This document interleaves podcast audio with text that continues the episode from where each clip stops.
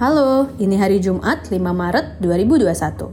Selamat datang di episode kedua Listen Up, podcast mingguan dari Catch Me Up yang akan merangkum berita-berita terkini dari berbagai isu buat kamu.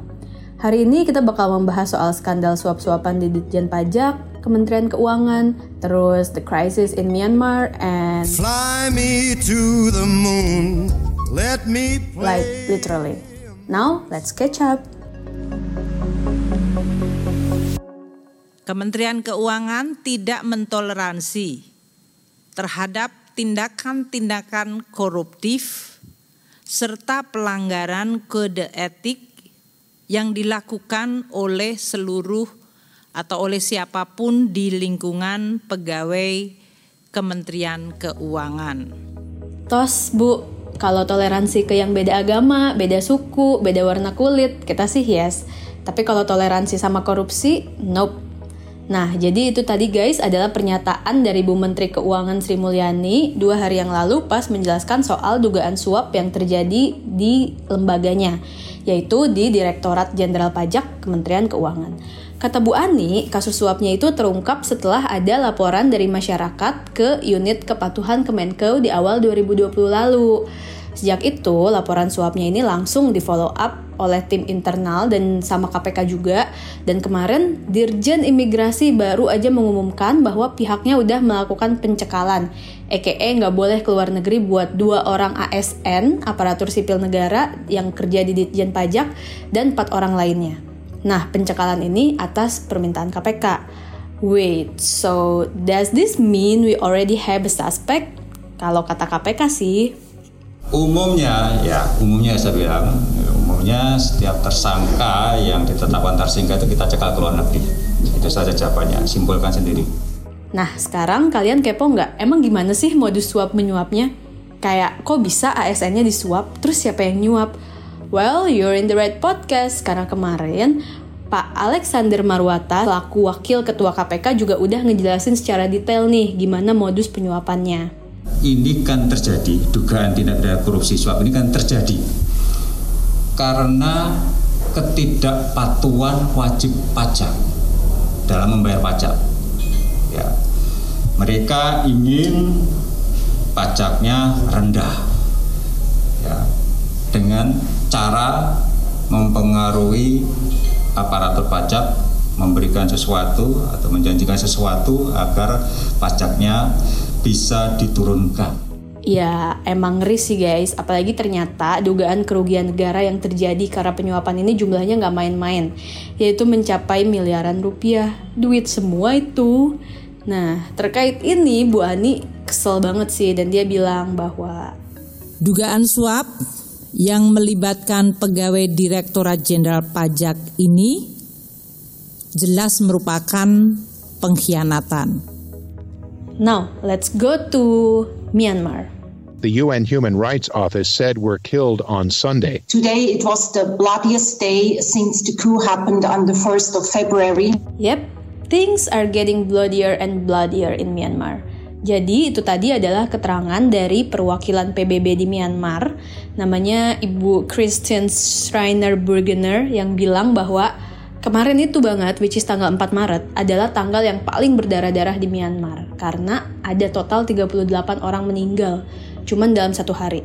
Nah, kalau dihitung dari awal Februari, totalnya udah lebih dari 50 orang yang tewas sejak kudeta militer pertama kali terjadi di sana. So, in case you need some background, jadi emang pada awal Februari lalu terjadi kudeta di Myanmar yang dilakukan oleh kelompok militer terhadap pemerintahan demokrasi yang dipimpin oleh Aung San Suu Kyi.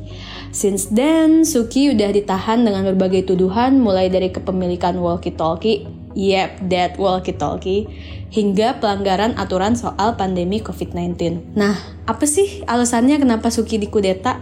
Nah, kalau menurut pihak militer, hal ini karena pemilu yang diselenggarakan pada November tahun lalu itu hasilnya nggak sah karena banyak muncul penggelembungan suara. FYI guys, pas pemilu itu partainya Aung San Suu Kyi yang menang secara mutlak. Nah, pemerintah militer kemudian mengkudeta, ngambil alih kekuasaan dan bilang bahwa ya udah tahun depan aja kita pemilu lagi ya. And of course warga Myanmar are not very happy about it. Yuk kita dengerin nih keterangan dari aktivis Myanmar soal apa sih sebenarnya tuntutan mereka kok mereka turun ke jalan.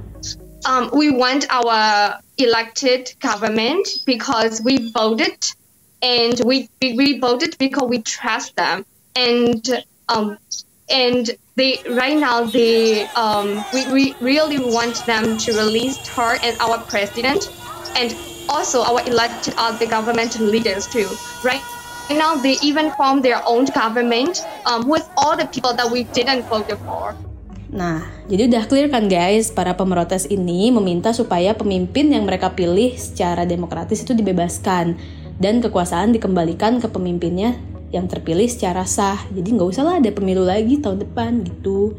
Now, let's zoom out a little bit to ASEAN.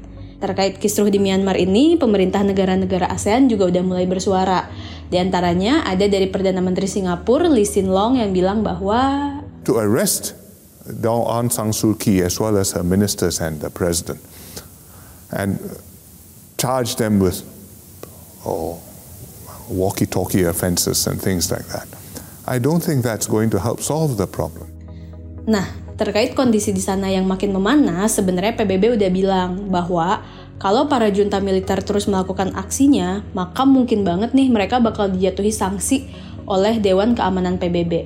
Terus dijawab deh sama kelompok militernya kita udah biasa digituin gitu guys nah terus mereka juga udah dibilangin kalau mereka terus melakukan kekerasan, nanti mereka juga bisa diisolasi dari dunia internasional. Terus jawabannya, ya harus belajar lah hidup dengan sedikit teman aja. Ampun Bang Jago.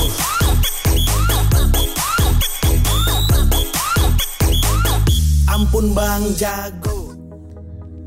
Terakhir nih guys, kita bakal bahas soal cowok yang may or may not fly you to the moon. Bukan, bukan Bruno Mars tapi ini beneran fly you to the moon. Which is ada seorang milioner di Jepang namanya Yusaku Maezawa yang dalam postingan Twitternya mengajak 8 orang untuk ikut doi terbang ke bulan. Yep, literally dengan menaiki penerbangan swasta punya Elon Musk yaitu SpaceX. Jadi si Yusaku yang merupakan pengusaha di bidang fashion dan peminat seni itu mengumumkan bahwa dia pengen semua orang dengan berbagai latar belakang untuk daftar nih ikut dia ke bulan. Dan nanti doi yang bakal bayarin semua biayanya. Yusaku juga bilang bahwa penerbangannya akan dilakukan pada tahun 2023 mendatang dan totalnya bakal memakan waktu 6 hari PP. Ya, bisa lah siap-siap ngajuin cuti dari sekarang. Nah, tertarik untuk join? Kamu cek aja twitternya si Yusaku di @yusakmz. Seriously guys, itu nama twitternya. Uh, thanks a lot for supporting uh, the future of human spaceflight. Uh, is very much appreciated, um, and I think will make a real difference. Thank you. Yep, that's Elon Musk. And now we signed out too. Thank you.